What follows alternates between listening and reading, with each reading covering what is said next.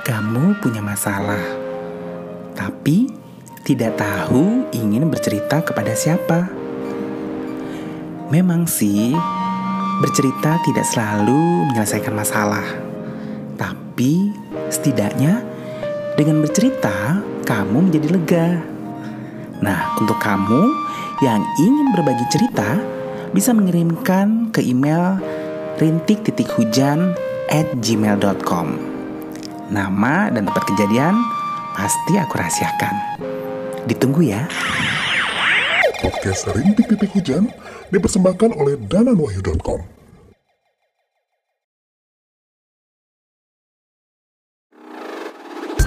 Sebentar lagi Anda akan menyaksikan podcast Jalan-Jalan Cuap-Cuap yang dipersembahkan oleh dananwahyu.com.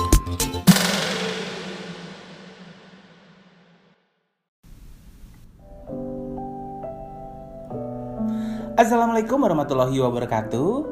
Ketemu lagi di Jalan-Jalan Cuap-Cuap dan pastinya masih barengan dengan saya Danan. Dan sekarang di tanggal berapa nih?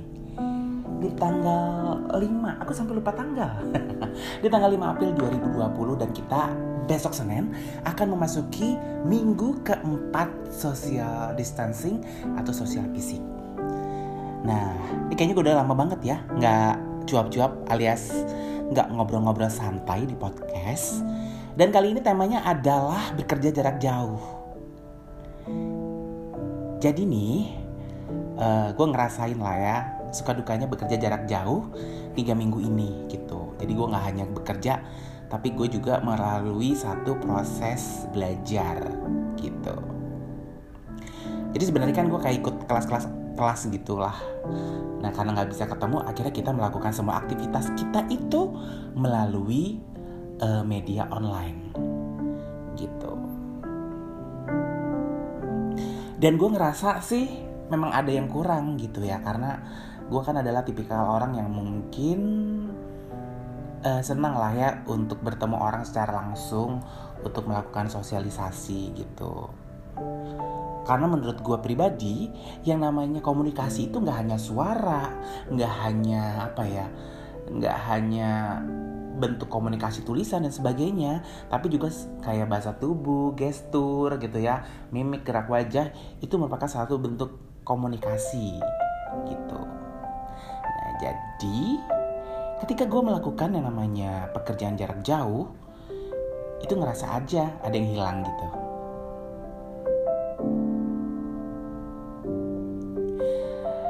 Nah, sekarang tuh aku mau ngajakin kamu. Ini sayangnya kita nggak bisa ngobrol ya. Next time tapi mungkin seru ya kalau aku uh, kasih satu device dan kita bisa ngobrol langsung lewat telepon buat ngobrolin uh, topik-topik yang seru.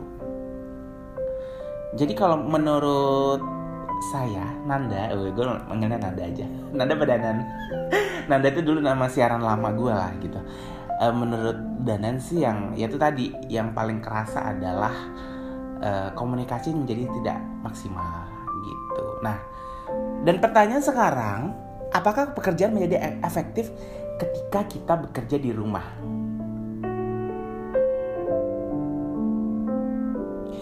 Jawabannya iya dan tidak. Kalau gue sih, ya secara gue kan belum berkeluarga, gue tinggal sendiri. Ya sebenarnya bekerja jarak jauh dari rumah dan bekerja di kantor pun itu secara rasa sama aja gitu. Karena gue tetap bisa fokus bisa konsentrasi gitu.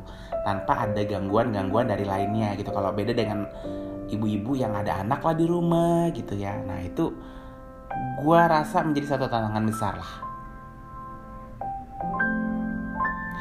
Karena itu kejadian juga sama kakak gue gitu. Yang begitu apa namanya video conference meeting dengan zoom gitu anaknya ya udah anaknya landot-landot aja pengen nongol di depan kamera gitu. Atau mungkin bapak-bapak nih yang lagi oh iya teman-teman gue nih yang dosen-dosen nih. Katanya dosen-dosen tuh sekarang udah kayak penyiar radio dia bilang gitu jadi beberapa teman kan pakai Zoom, cuma memutuskan untuk tidak menampakkan wajahnya dan aktivitas yang ada di belakangnya.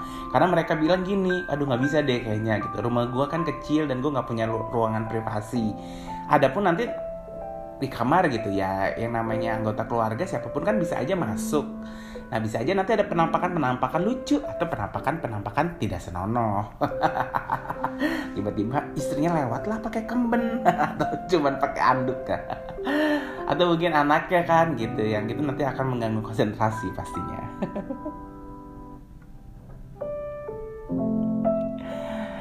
Jadi ya itu gitu. Dan kita dituntut juga untuk memiliki skill komunikasi yang baik ya ngomong gitu. Karena gini nggak semua orang tuh ngomongnya enak buat didengar gitu. Karena memang ya kayak gue sendiri ya butuh waktu panjang untuk bisa ngomong enak didengar kayak gini gitu. Ada ilmunya sebenarnya. Nah lo bayangin kalau lo ngomongnya lempeng lurus dan muka lo nggak kelihatan dan itu yang lo ajarin adalah mahasiswa-mahasiswa apa mereka nggak pada tidur atau nutup laptopnya itu mungkin tantangannya. Jadi dalam komunikasi kita memang perlu uh, bermain-main dengan komunikasi apa ya audio ya seperti ini. Kita kan memang kayaknya aku kan nggak kelihatan nih gitu.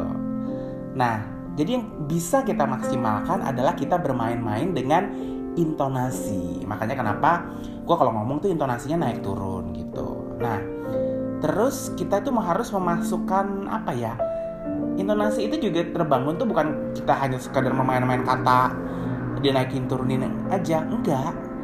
Kayak gue nih ngomong kayak gini gue tuh membayangkan bahwa ada seseorang yang duduk di depan gue dan gue ajak ngobrol. Nah itu yang penting gitu. Kemudian juga artikulasi itu penting banget. Karena beda loh kalau kita ngomong di depan uh, device nih kayak gini. Karena device gue ini cuman menggunakan yang namanya ponsel bukan mic jadi secara akulturasinya juga A I U E O nya itu harus jelas gitu. Itulah pokoknya banyak lah gitu jadi teman beberapa temannya. Kalau pekerjaan gue sendiri gini kita tidak banyak menggunakan uh, ya meeting sih biasanya menggunakan zoom dan itu jarak jauh. Tapi pekerjaan gue kan lebih banyak ke lapangan juga. Nah jadi sih memang nggak work from home 100% jadi kita tetap ada ke kantor untuk ke lapangan. Kemudian untuk pekerjaan kemudian uh, dua hari kemudian gitu nanti baru kita kita work from home. Nah biasanya kalau lagi di rumah tuh kita meetingnya pakai zoom gitu. Itu yang gue kendala apa ya? Oh iya. Satu kendala lagi adalah koneksi internet. Harusnya Indonesia tuh memiliki koneksi internet yang bagus ya gitu tapi ya gitu deh nggak semua tempat tuh beruntung. Nah kan gue cerita gue tadi ikut satu kelas lah gitu. Gue kayak belajar lagi lah samping kayak bisa dibilang kuliah bisa juga dibilang kayak course gitu yang lumayan intens jadi tuh mestinya kita setiap hari ketemu. Tapi kita nggak bisa ketemu karena harus melakukan social distancing. Nah jadi karena banyak tugas gitu ya e, karena banyak hal yang harus didiskusikan untuk menyelesaikan tugas ini kita mau nggak mau tuh tiap hari yang namanya melakukan video call gitu. Dan ini kendala juga sih untuk beberapa teman karena nggak semua tempatnya itu mereka teman-teman gue atau grup gue itu punya koneksi internet yang bagus gitu. Jadi biasanya biasanya sih gitu melakukan pengulangan informasi jadi kan kita udah di zoom. Kita udah ngomong hai kita akan hari ini akan mengerjakan tugas ini gitu ya umpama nih terus uh, mungkin ada teman kita yang delay atau keputus-putus. Makanya kalau gue biasanya untuk beberapa informasi tertentu gue akan mengulangi lagi dalam bentuk chatting gitu. Nah orang kadang-kadang nggak notice nih masalah yang kayak gini gitu. Karena kan memang gue lumayan lah ya hidup di dunia maya ini. Nggak well guys gue dulu pernah gabung dengan satu radio online dan itu lumayan lama. Dari situ gue belajar banyak yang namanya komunikasi jarak jauh. Karena radio online kita itu memang sih ini adalah radio komunitas cuman secara struktur organisasi kemudian secara aktivitas itu beneran kayak radio darat. Kita punya namanya stasiun manager punya namanya produser kita juga punya namanya apa ya scriptwriter dan sebagainya gitu dan setiap hari itu kita harus ada progres yang namanya program. Nah, jadi si program-program acara memang nggak dibayar sih waktu itu gue juga teman-teman gue sampai gini ya, ih lo kok mau sih melakukan hal-hal yang kayak gini gitu. Tapi gue pikir ini adalah satu proses belajar yang mungkin kita nggak akan dapat di tempat kuliah kita atau di mana pun. Nah, jadi di situ gue awalnya itu menjadi apply lah gue awalnya menjadi kayak DJ gitulah ya. DJ itu kita bilang namanya broadcaster atau penyiar. Nah di situlah gue mulai belajar. Untuk gabung di radio itu pun gue interviewnya melalui Yahoo Messenger.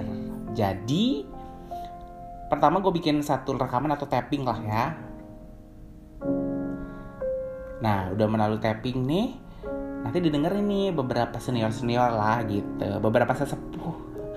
Dan nanti abis itu gue di interview di Yahoo Messenger. Waktu itu masih pakai Yahoo Messenger kita. Jadi kita nggak pakai aplikasinya cuma Yahoo Messenger doang gitu. Ya udah dari situlah di interview kemudian gue disuruh ngomong langsung gitu. Dan waktu itu kan kualitasnya juga Yahoo Messenger voice-nya juga nggak terlalu bagus ya. Yaudah akhirnya gue keterima lah. Nah di situlah gue akhirnya belajar bahwa oh ternyata banyak hal yang bisa dilakukan dari jarak jauh gitu ya. Jadi waktu itu pengalaman gue sih gue sempet belajar. Duh belajar nih gitu. Gue beruntung sih sebenarnya. Kalau kalian ngedengerin suara gue enak buat ngobrol kayak gini ini satu proses yang panjang banget jadi yang ngajarin gue itu ternyata beberapa mereka. Karena gue dulu pertama kali gue siaran gue ngobrol itu orang bilangnya adalah gue cacat vokal. Karena suara gue aduh sumpah nggak enak banget buat didengerin gitu. Nah akhirnya gue uh, diajarin lah bukan diajarin sebenarnya kayak di review lah gitu. Jadi gue siaran biasanya mereka gini ini ini ini aja ya sharing aja siapa tahu bermanfaat untuk kamu yang mungkin ngerasa bahwa kamu nggak punya kemampuan buat ngobrol enak, suaranya buat enak didengerin orang. Karena di tengah kondisi kayak sekarang ini penting banget buat suara itu buat enak didengar. Karena kita kan meeting nggak ketemu langsung nih. Gimana sih caranya untuk memberikan press impression kepada orang gitu? Nah kita balik lagi. Jadi waktu itu gue di jadi gue bikinlah rekaman itu pokoknya gue selama setiap hari mungkin satu mi satu bulan gitu. Siaran gue ngobrol gue baca artikel di depan kaca dengan artikulasi yang bagus gitu ya. Dengan pemanggalan kalimat yang tepat gitu. Uh, itu nanti di review didengar lah dengan salah satu DJ-nya gitu. Nanti di review bisa koreksi ininya bagian ini part besoknya gue ulangi lagi gue perbaiki lagi dengan artikel yang berbeda dengan style yang beda gitu dan ketika gue bisa uh, membawakan acara acara tertentu itu ada satu challenge challenge lagi gitu jadi challenge pertama kan kayak bawain berita gitu kemudian bawain acara yang lebih santai. Kemudian yang salah satu yang menurut gue paling challenging adalah uh, bawain tangga musik. Jadi itu kan memang kalau tangga musik kita harus bikin skrip dan semuanya harus pas durasinya. Karena umpamanya gini, acara durasi 30 eh 1 jam 20 menit gitu. Ya itu kita harus pas gitu. Kita nggak boleh lebih, nggak boleh kurang. Nah itu gimana ya caranya? Ya akhirnya dari situlah gue belajar bikin skrip kemudian gue juga akhirnya juga menjadi musik director karena oh iya ternyata kalau kita mau bikin tanggal lagu sekian paling tidak nanti si lagunya ini yang akan kita perdengarkan cuma sekian menit gitu dan dari masing-masing lagu kayaknya di review nih oh kalau segini lagu ini itu enaknya sampai segini doang gitu pemanggalan-pemanggalan itu tuh udah, udah dipikirin gitu. Kemudian kita cari bahan juga buat ngobrol ini. Jadi kan uh, nggak mungkin dong ujuk-ujuk lagu ini tanggal lagu segini. Nggak nggak mungkin. Kita ada namanya teknik komunikasi itu namanya bridging. Untuk nyambungin komunikasi A dengan komunikasi B. Umpamanya ngobrol nih gini. Gue mau ngomongin gue dari ngobrolin tanggal lagu lagu apa ya? Mungkin lagu bunga lah gitu ya. Kemudian gue mau ngomongin lagu coklat gitu. Nah itu gue harus ngobrolin gimana caranya biar nyambungnya smooth di omong-omongan gue itu namanya teknik bridging. Dan seru gitu. Waktu itu salah satu mentor gua adalah yang sampai detik ini nggak gue pernah ketemu itu adalah salah satu dosen komunikasi di salah satu universitas nih kayaknya uh, profesor gitu deh. Itu banyak banget gue banyak banget dapet masukan dari dia gitu. Kemudian uh, salah satu pendirinya si radio online kita itu katanya juga salah satu uh, jurnalis TV yang terkenal gitu. Gue gue nggak tahu sih karena kita tuh nggak pernah jujur ya sampai saat ini tuh gue hanya kenal beberapa eh maksudnya hanya bertemu dengan mereka itu di dunia nyata itu jarang gitu. Karena mereka dulunya kebanyakan adalah anak-anak Indonesia yang kuliah di luar negeri. Kemudian salah satu cara mereka buat kangen-kangenan nih gitu mereka bikin radio namanya radio online ya udah gitu. Nah biasanya karena mereka itu di luar kemudian mereka biasa di libur tentu balik ke Jakarta. Nah karena gue kan anak Lampung waktu itu anak daerah lah. Gue kan jarang lah ya kumpul-kumpul gitu. Jadi beneran sampai sekarang hanya beberapa orang yang gue kenal gitu. Tapi dari situ gue banyak banget dapet yang namanya ilmu.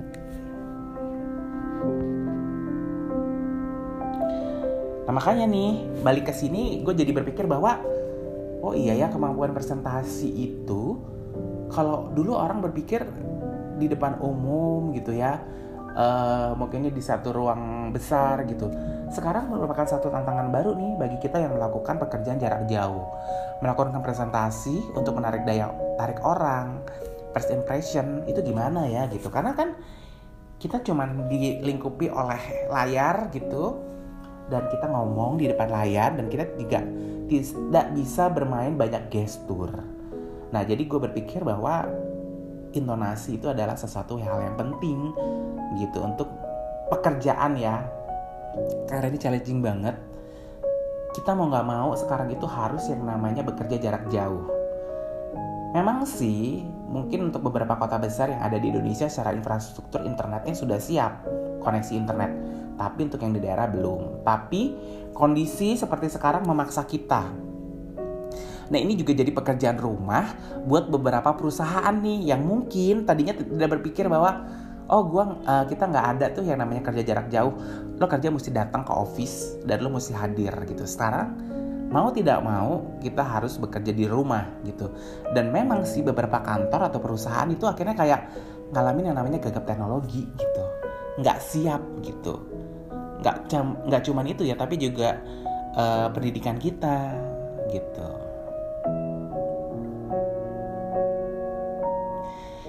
Nih jadi obrolan panjang nih ke mana-mana, tapi memang seru. Eh tadi gue sampai di mana ya? Oh di radio online itu ya, oke.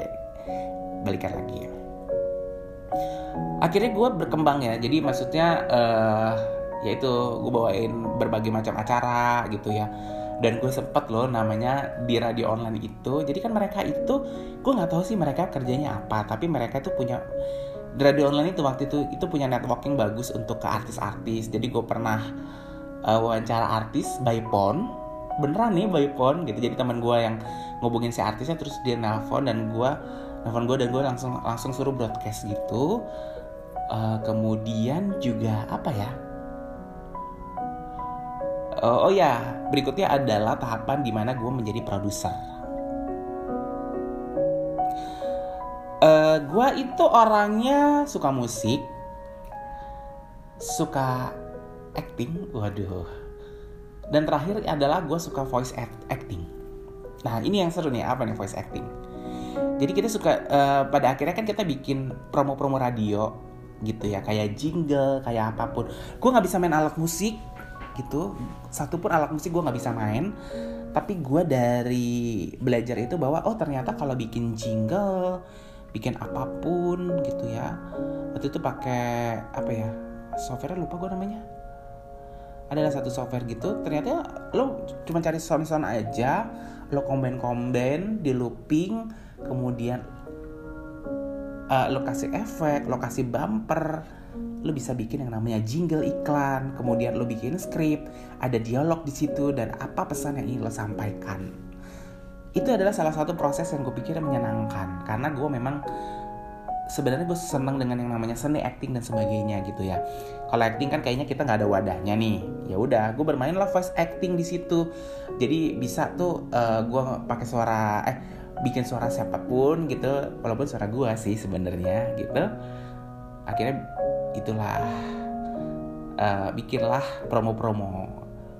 Dan itu nggak dibayar loh. Tapi gue seneng aja ngelakuin itu. Akhirnya terus gitu ya kita setiap tahun itu punya momen yang namanya ulang tahun. Nah kalau ulang tahun tuh kita beneran kita konsep jadi kita mau bikin program apa hari itu? Yang temanya sesuai dengan tema ulang tahunnya kita. Kemudian kita bikin promonya kita bikin programnya. Kemudian kita bikin schedule-nya. Nah nanti juga akan ada yang mantau nih. Pokoknya siaran yang siaran siapa? Jadi siarannya itu pakai online doang. Waktu itu tuh kita namanya nama softwarenya Sam Broadcasting. It, it's a professional gue bilang ya gitu. Jadi ya udah gue akan siapin banyak koleksi lagu. Nah di situ nanti gue akan siaran lah gitu. Nanti kalau mau siaran kita ada namanya server yang biasanya akan memainkan lagu secara otomatis. Nanti itu kita cut baru gue nanti masuk ke server itu. Nah dari server itulah suara gue di broadcast ke mana-mana. Gitu sistemnya. Itu gue bertahan berapa lama ya?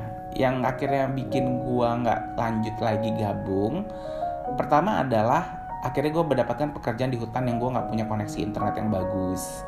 Kedua uh,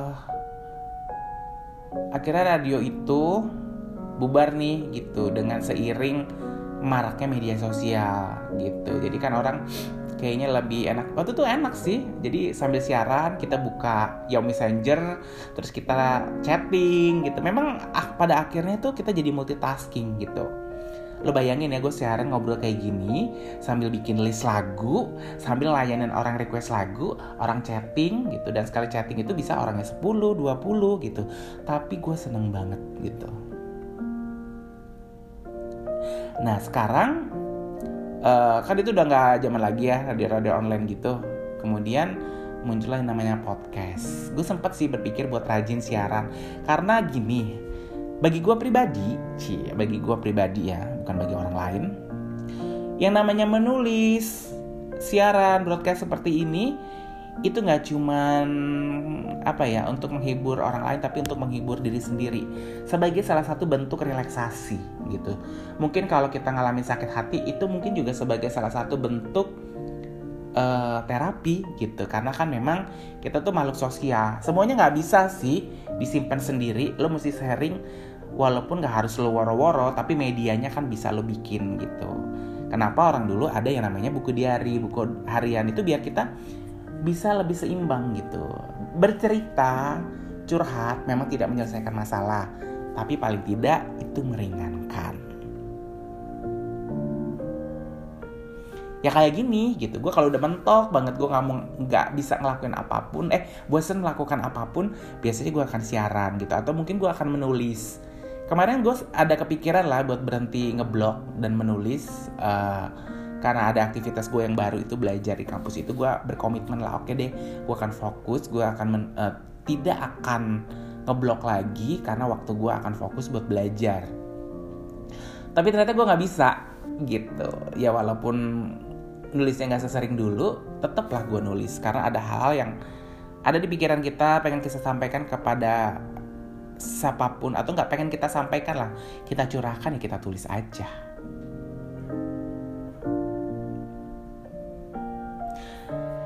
Eh sebenarnya seru ya kalau ini bisa kita bikin interaktif ya. Next time deh gue udah beli mixer sih benernya.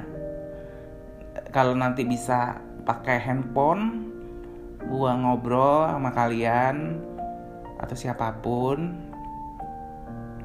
Uh, nanti gue gue bikin ya gitu biar nggak bengong aja kayak gini. Oke kita bakal bahas nih masalah-masalah kerja online tadi apa sih kira-kira yang membuat orang tantangannya gitu terbesar gue tadi udah bahas sih gitu tadi tuh fokus ya gitu. Dan fokus itu memang gak mudah gitu. Kalau menurut gue pribadi sih gitu. Karena kalau dikerja di rumah kan memang sebenarnya untuk manajemen waktu dan sebagainya itu diserahkan kepada kita.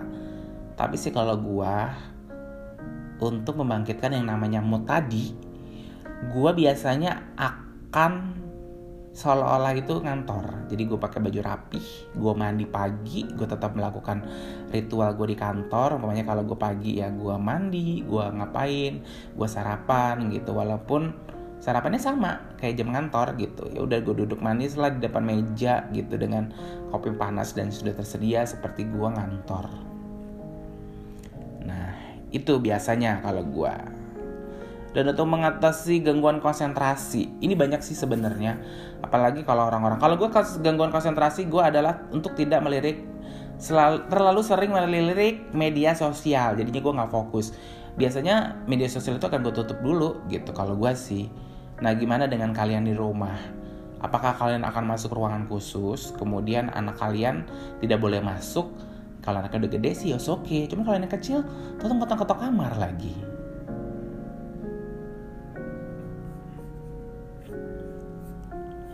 Nah, yang berikutnya adalah membangkitkan uh, menjaga continuity mood atau semangat. Wah, itu nggak gampang sih memang.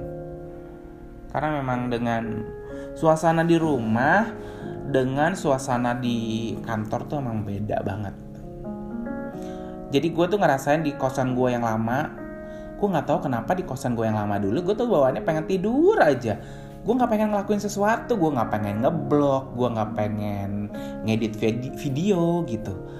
Tapi akhirnya gue tahu bahwa emang secara aura secara rasa itu kamar emang enaknya buat tidur gitu. Makanya akhirnya gue cari tempat lah yang baru yang bisa membangunkan mood dan semangat. Mencari inspirasi. Nah setiap orang itu beda-beda untuk mencari sumber inspirasi. Bisa membaca bisa nonton TV tapi kalau gue pribadi gue tuh anaknya visual banget. Untuk menemukan satu inspirasi itu biasanya gue harus traveling dulu. Ini kejadian loh bener. Jadi kan biasanya kita ada satu event yang di kantor gue tuh kayak acara ala-ala apa ya? Kayak ala-ala uh, mungkin kayak acara pentas olahraga dan seni antar regional office di kantor gua. Nah, gua itu adalah kebagian biasanya untuk kebagian acara talent. Mulai dari konsepnya, musiknya, atau bikin apa nenan. Kita mau ngapain, kita mau nari atau apa gitu gue sih biasanya karena kantor gue ini uh, di Batam ini kita punya beberapa spot dan orang tuh susah ngumpul biasanya gue akan bikin kabaret kita nggak perlu latihan susah sih kalau kabaret itu dan gue biasanya untuk bikin skrip dan skenario nya untuk kabaret ini ya gue nggak akan jauh-jauh banyak oh kalau si A ya udah gue karakternya mirip si A gitu. Jadinya secara umum dia nggak perlu berakting itulah diri dia. Ya udah gitu. Nah udah berapa kali nih kejadian last minute nih tinggal umpamanya dua minggu gitu. Terus gue bilang gini apa nih idenya? Aduh gue nggak bisa mikir gue nggak ada inspirasi please kasih waktu gue cuti satu uh, lima hari gue mau jalan-jalan. Ya udah biasanya setelah jalan-jalan gue langsung ketemu ide itu langsung gue bikin skrip gue langsung take vokal kita langsung mixing musik. Gue mulai uh, cari koreonya dan sebagainya. Akhirnya kita pernah tuh ya persiapan tuh kurang uh, tiga hari aja. Karena memang teman-teman kita baru kumpul di sini tuh tiga hari gitu. Akhirnya ya udah kita belajar kita latihan udah jadi kita pentas gitu. Jadi kalau gue sih visual banget harus jalan-jalan yang berikutnya adalah tantangan mengelola waktu dan proyek yang harus dijalani. Nah ini nih time schedule-nya perlu banget guys gitu. Jadi memang sih kalau suasana di kantor kan kita bisa saling reminder ya mengingatkan. Tapi kalau di uh, di rumah gitu ya memang sih seben, sebenarnya sekarang tuh banyak yang namanya toolnya atau alatnya ya. Gitu. Sebenarnya menggunakan tool-tool aja dan saling mengingatkan. Kesadaran diri sih. Gue ada teman gue curhat. Gini jadi ceritanya teman gue ini arsitek lah gitu. Dan dia cewek orangnya detail banget on schedule banget gitu. Dan dia tuh pengennya setiap hari anak buahnya kasih satu report gitu. Tapi ternyata karena untuk apa ya ya kita butuh report untuk tahu progres apa yang harus dijalanin apakah ini on schedule atau tidak dan sebagainya tapi ada beberapa anak buahnya nih semenjak social distancing ini susah dihubungin lah. Nggak bisa kirim foto lah atau tidak bisa memberikan report progres makanya di akhirnya sakit kepala lah gitu. Karena kan sempat curhat di media sosial. Kemudian mengasah keterampilan. Nah gue sih tipikal orang yang nggak mau oke okay, mungkin gue sih bukan orang yang optimis pengen karir A B C D E F G gitu ya. Gue memang di keluarga gue tuh menjalani hidup apa adanya gitu. Tapi gue tipikal orang yang selalu ingin punya sesuatu yang baru skill yang pokoknya yang bikin gue menyenangkan aja membuat hidup gue lebih seimbang gitu. Jadi ya gue biasanya uh, ya salah satunya kan gue ikut satu kelas nih gitu. Itu karena gue pengen mengasah keterampilan gitu. Ya mungkin gue tidak muda lagi tetapi kan tidak ada salahnya dong untuk selalu belajar dan mencari sesuatu yang baru. Gue tuh teringat sama bokap gue gitu. Jadi uh, bokap gue tuh secara karir tuh juga nggak ya pokoknya biasa aja dan tipikal orang yang sebenarnya nerimo banget. Tapi bokap gue itu adalah orang yang selalu ingin belajar dan banyak tahu. Di usia seperti gue sekarang bokap gue itu dulu belajar dulu kan komputer adalah sesuatu yang baru ya di era itu. Itu bokap gue bekerja keras untuk bisa mengoperasikan komputer. Mungkin untuk orang-orang seusianya dianggap aneh ya. Biasanya kan orang-orang kita di usia 40 itu adalah zona nyaman gitu.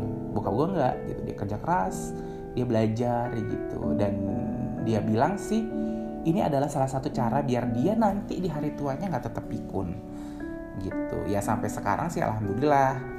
Walaupun tidak ada aktivitas bekerja sudah pensiun tapi masih ada aktivitas lain yang membuat bokap itu selalu berpikir dan alhamdulillahnya dia nggak bekun gitu. Itu kata bokap gua jadi kamu harus tetap berpikir.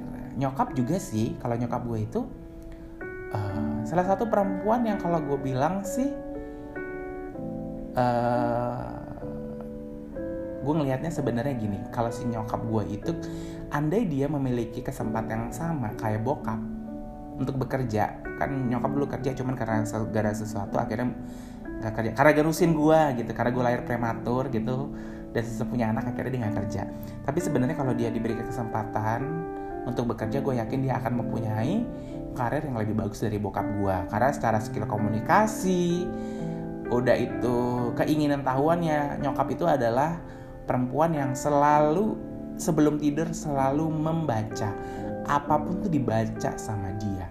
Dan ketika dia ingin tahu nih nyokap tuh bukan yang sekolahnya tinggi mungkin bukan yang lulusan sarjana bukan cuman nyokap gue lulusan STM tapi dia selalu baca. Dia kalau pengen tahu sesuatu tuh sampai bikin clipping. Itu adalah nyokap gue Eh, nih tantangan lagi nih yang ketujuh nih. Bener yang gue omongin tadi yaitu mengasah keterampilan komunikasi. Nah, komunikasi verbal ini nih jarak jauh nih gitu. Untuk kita yang mungkin cenderung introvert emang agak susah ya gitu. Karena gue juga melihatlah beberapa teman gue yang di Zoom gitu yang agak introvert, introvert itu susah buat ngobrol gitu. Tapi memang harus dibiasakan guys gitu. Itu sih sebenarnya gini. Gue juga dulu nggak yang ngomongnya kayak gini kok. Gue tuh kuliah, gue presentasi di depan gue masih gugup gitu. Nah yang nge-develop gue kayak gini tuh adalah ya situasi ya. Kita memang harus pada akhirnya beradaptasi gitu. Nyokap sih sebenarnya yang ngepush gue bahwa uh, kita itu harus zaman sekarang nah zaman sekarang itu kita bukannya pamer tapi kita harus bisa menjual diri dalam tanda kutip ya gitu gue ya, nyokap sih belajarnya dari bokap. Bokap gue itu kan cenderungnya pendiam gitu. Dia punya skill ABC gitu. Tapi dia memang nggak pernah nunjukin ke orang oh gue bisa gue gini gue gitu. Nggak. Even bokap gue disalah-salahin dia tuh nggak akan membela diri. Saking bokap gue itu orangnya yang males lah debat gitu dan mungkin cenderung introvert gitu. Nah tapi kata nyokap kalau kamu mau maju zaman sekarang ini bukannya pamer ya tapi kamu harus bisa menjual diri gitu. Salah satu menjual diri adalah kita memiliki kes, uh, kemampuan komunikasi yang baik gitu. Ini komunikasi ini penting banget loh guys gitu. Kadang tuh kita maksudnya baik gitu, tapi karena penyampainya tidak baik, orang tuh jadi persepsinya nggak baik gitu. Itu yang gue rasain ya makanya gue salah satu cara gue mengembangkan diri adalah dengan komunikasi. Tantangan yang berikutnya adalah memperhatikan kemajuan. Sebagai pekerja jarak jauh, kita harus menjadi penasehat terbaik bagi diri kita sendiri dan untuk menuju kesuksesan dan kemajuan. Nah, ini nih kita harus bikin progres memang. Jadi kita bikin catatan apa yang sudah kita lakukan, apa yang belum gitu dan itu harus kita review sebenarnya gitu gitu guys aduh kayaknya ngomongin kerja jarak jauh ini memang gak ada habis-habisnya gitu ya dan gak kerasa udah setengah jam lebih aja. Gimana dengan uh, kerja jarak jauhnya kamu atau mungkin apa namanya uh, sekolah jarak jauhnya kamu gitu? Oh iya. Hah, gue jadi inget nih zaman zaman siaran. Jadi kalau zaman siaran gue dulu tuh, gue tuh kita sering cover lagu. Di zaman orang-orang belum cover lagu, kita udah cover lagu, tapi kita nggak pakai YouTube. Jadi waktu itu kita biasanya musik kita bikin minus one, jadi kita ilangin vokalnya dengan software. Kemudian kita isilah dengan softwarenya kita, gitu. Eh dengan suaranya aku gitu ya Nah karena suara gue nggak bagus-bagus amat, itu biasanya gue efek lah suara gue. Jadi kan suara gue ini sebenarnya tipikal suara yang tipis gitu, bukan suara laki-laki yang ngebas atau tebel. Jadi kalau nyanyi itu juga nggak bagus. Biasanya gue ngakalinnya gue bikin gue tumpuk jadi beberapa layer. Nanti pada akhirnya tuh jadi suaranya jadi mantap tebel gitu. Nah ini kemarin gue iseng, gue bikin lagu. Jadi sebenarnya tugas kelas sih gitu jadi kan kita satu bulan ini satu bulan lebih lah melewati satu proses yang gue pikir seru gitu. Karena yang bikin tambah seru adalah kita harus melalui social distancing juga jadi belajar jarak jauh dan kita tuh satu bulan ada satu yang namanya challenge gitu bikin project lah. Nah di situlah menceritakan si, si challenge ini dalam bentuk media gitu. Ada yang suruh bikin ya pokoknya terserah. Boleh video boleh lagu boleh presentasi boleh animasi apa pun lah gitu. Boleh tulisan gitu nah gue sih yang menurut gue menantang gue kalau nulis oke okay lah ya gue bisa gue ngeblok oke okay.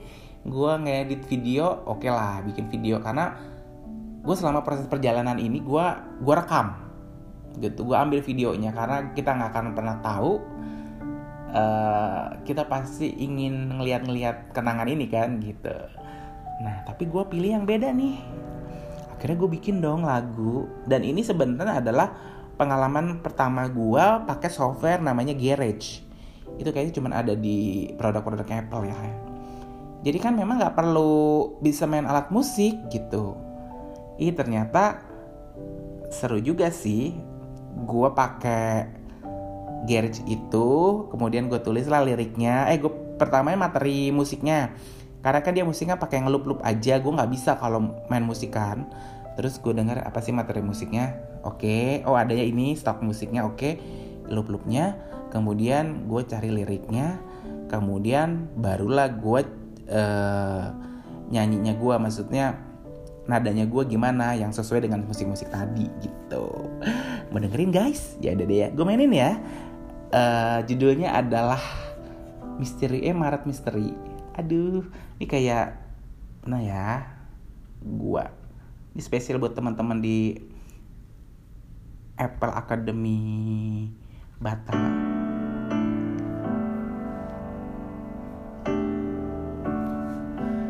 Buat kalian ngedengerin dari grup apa ya? Grup ini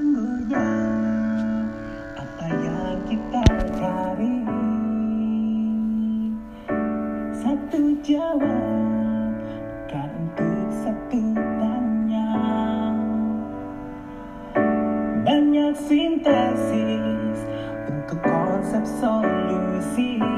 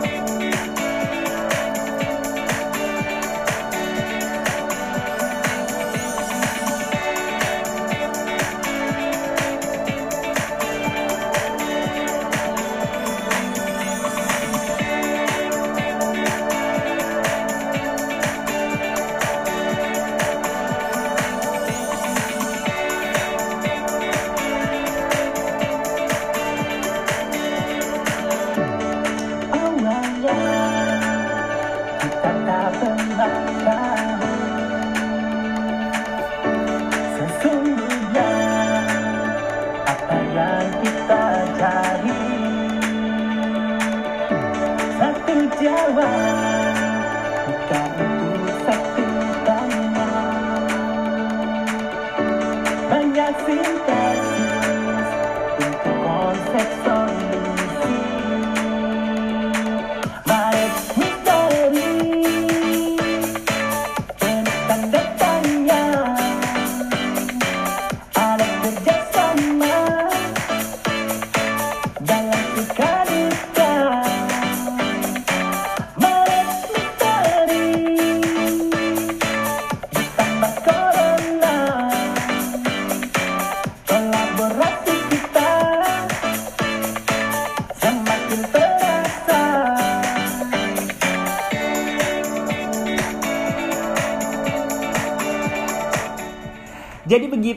lagunya.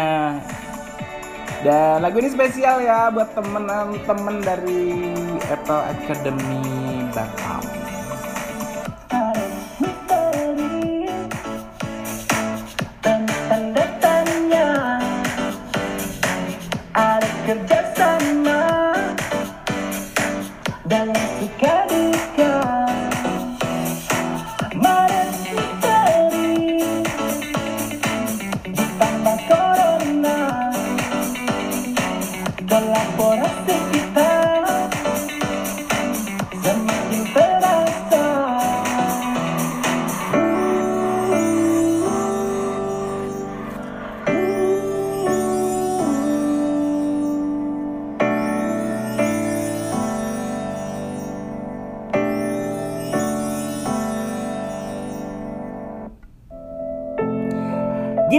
lagunya. Aduh lumayan lah ya. Aduh udah udah mau 40 menit aja nih. Terima kasih ya. eh untuk kami yang sudah menyimak podcast ini dan lagu aku tadi judulnya adalah Maret Misteri. Sebenarnya ceritanya apa sih? Yaitu ceritain project kita satu bulan apa yang udah kita lewatin gitu ya. Gitu. Terima kasih ya untuk kamu yang sudah menyimak jalan-jalan cuap-cuap yang nggak jalan-jalan ke mana-mana ini. Dan kalau ada kata-kata yang kurang berkenan aku minta maaf.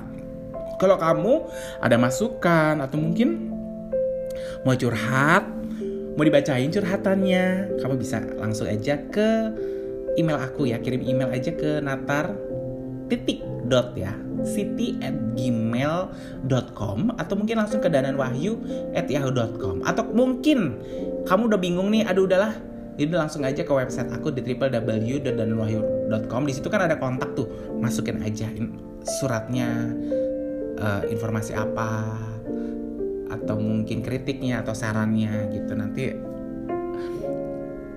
akan aku tanggapi tanggapannya bisa tulisan kemudian tanggapannya juga bisa nanti akan dibacakanlah di podcast jalan-jalan cuap-cuap. Terima kasih ya guys ya sekali lagi semoga kita tetap sehat semuanya tetap aman semuanya dan kita bisa melewati semua cobaan ini. Aku nggak mau ngomongin corona lah aku lelah. Dan akhir kata dan mengucapkan wassalamualaikum warahmatullahi wabarakatuh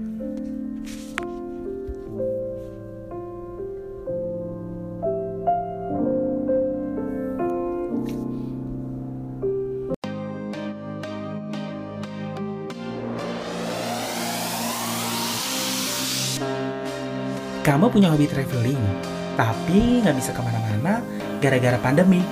Ya udah, dengerin aja kisah perjalanan di podcast Jalan-Jalan Cuap-Cuap.